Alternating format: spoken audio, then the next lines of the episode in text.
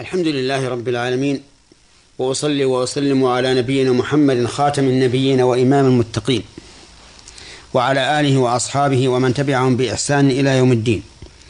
أما بعد أيها المستمعون الكرام فهذه الحلقة السادسة والخمسون من حلقات أحكام القرآن الكريم.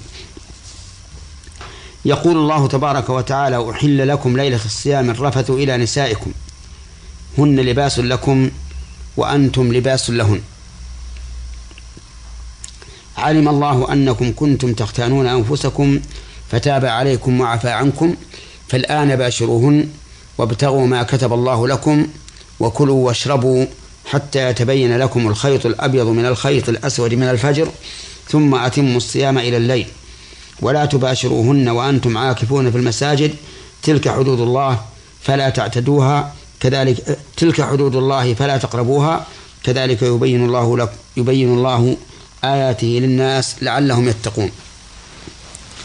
أحل لكم المحلل والمحرم هو الله عز وجل.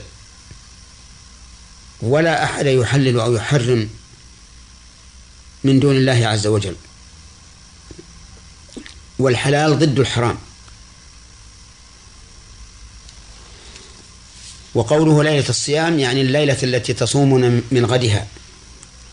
الرفث إلى نسائكم يعني بذلك الجماع ومقدماته. ثم علل هذه هذا الحكم وهو الإحلال بأنهن لباس للأزواج والأزواج لباس لهن. وذلك لأن الزواج ستر للزوج وللزوجة بتحصين الفرج وغض البصر وغير ذلك مما يترتب عليه من الستر. ثم بين عز وجل أنه أحل ذلك لأنه يعلم أن أن الإنسان يختان نفسه. ويخدعها ويملي لها لأن في الإنسان نفسين نفسا أمارة بالسوء ونفسا مطمئنة. فالنفس الأولى تأمره بمخالفة أمر الله ورسوله والثانية تأمره بطاعة الله ورسوله. فتاب عليكم وعفى عنكم تاب عليكم ما سلف من فعلكم وعفى عنكم ما أوجبه عليكم. وكان الناس في أول الأمر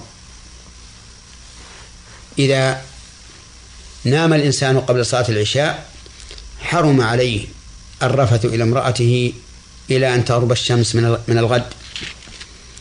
أو إذا تعشى حرم عليه الرفث إلى امرأته إلى غروب الشمس من الغد. فشق ذلك على المسلمين. فأنزل الله تعالى هذه الآية رخصة لهم وتسهيلا عليهم.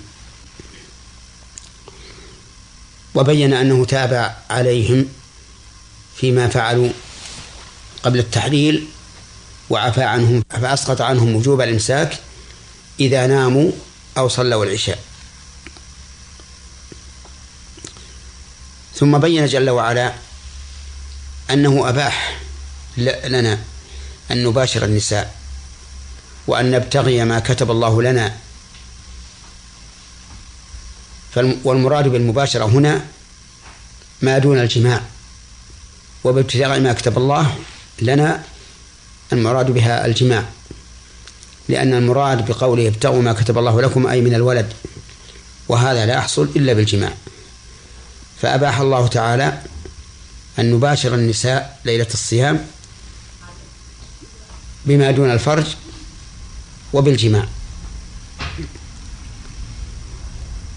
وأباح أيضا الأكل والشرب فقال كلوا واشربوا حتى يتبين لكم الخيط الأبيض من الخيط الأسود من الفجر.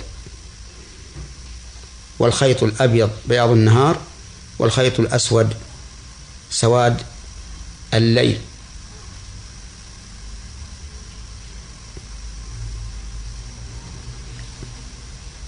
وقوله من الفجر بيان لوقت تبين الخيط الأبيض من الخيط الأسود. ثم أمر الله تعالى بإتمام الصيام وهو الإمساك عن المفطرات تعبدا لله عز وجل من حين أن يتبين الخيط الأبيض من الخيط الأسود إلى الليل وذلك غروب الشمس. ثم نهى سبحانه وتعالى أن نباشر النساء ونحن عاكفون في المساجد. فقال ولا تباشرهن وهذا يشمل الجماع وما دونه وأنتم يعني والحال أنكم عاكفون في المساجد والعكوف هو لزوم المسجد للتفرغ لطاعة الله عز وجل. وبين عز وجل أن هذا الذي شرعه لنا من حدود الله ونهانا عن قربانها. وليعلم أن الله تعالى يقول تلك حدود الله فلا تعتدوها وأحيانا يقول تلك حدود الله فلا تقربوها. قال العلماء والفرق بينهما أنه إن كان الحد في المأمورات فالنهي عن الاعتداء أي عن تعديها والخروج منها. وإن كان في المنهيات فالنهي عن عن عن قربانها لأن المنهي عنه منهي عن القرب منه لئلا تسول له النفس أن يقع في الحرام الصرح. ثم قال كذلك يبين الله آياته للناس لعلهم يتقون أي مثل هذا البيان يبين الله له للناس آياته أي آياته الشرعية لعلهم يتقون أي لأجل أن يتقوا الله عز وجل. في هذه الآية من الفوائد والأحكام إباحة الجماع والأكل والشرب في في ليالي رمضان. لقوله أحل لكم ليلة الصيام الرفث إلى أن قال فالآن باشروهن وابتغوا ما كتب الله لكم وكلوا واشربوا حتى يتبين لكم الخيط الأبيض من الخيط الأسود من الفجر. ومن فوائد هذه الآية وأحكامها ما يحصل بالنكاح من ستر أحد الزوجين إلى الآخر لقوله تعالى هن لباس لكم وأنتم لباس لهن ومن فوائد الآية وأحكامها إثبات علم الله عز وجل بما في نفوسنا.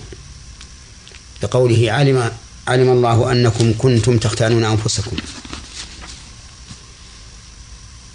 وعلم الله تعالى عام شامل للظاهر والباطن والخفي والجلي والماضي والمستقبل والحاضر.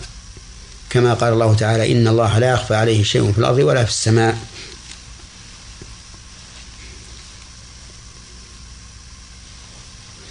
ومن فوائد هذه الآية وأحكامها سعة عفو الله تعالى وحلمه حيث تاب علينا وعفى عنا حين علم ما يقع منا من اختيان من اختيان النفوس.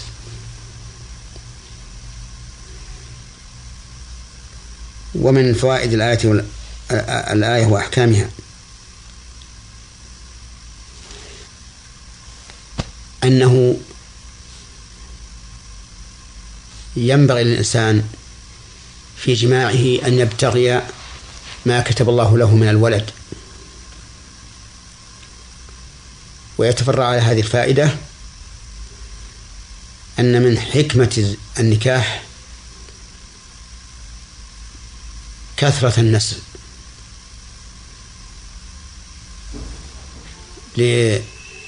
لتزداد الأمة.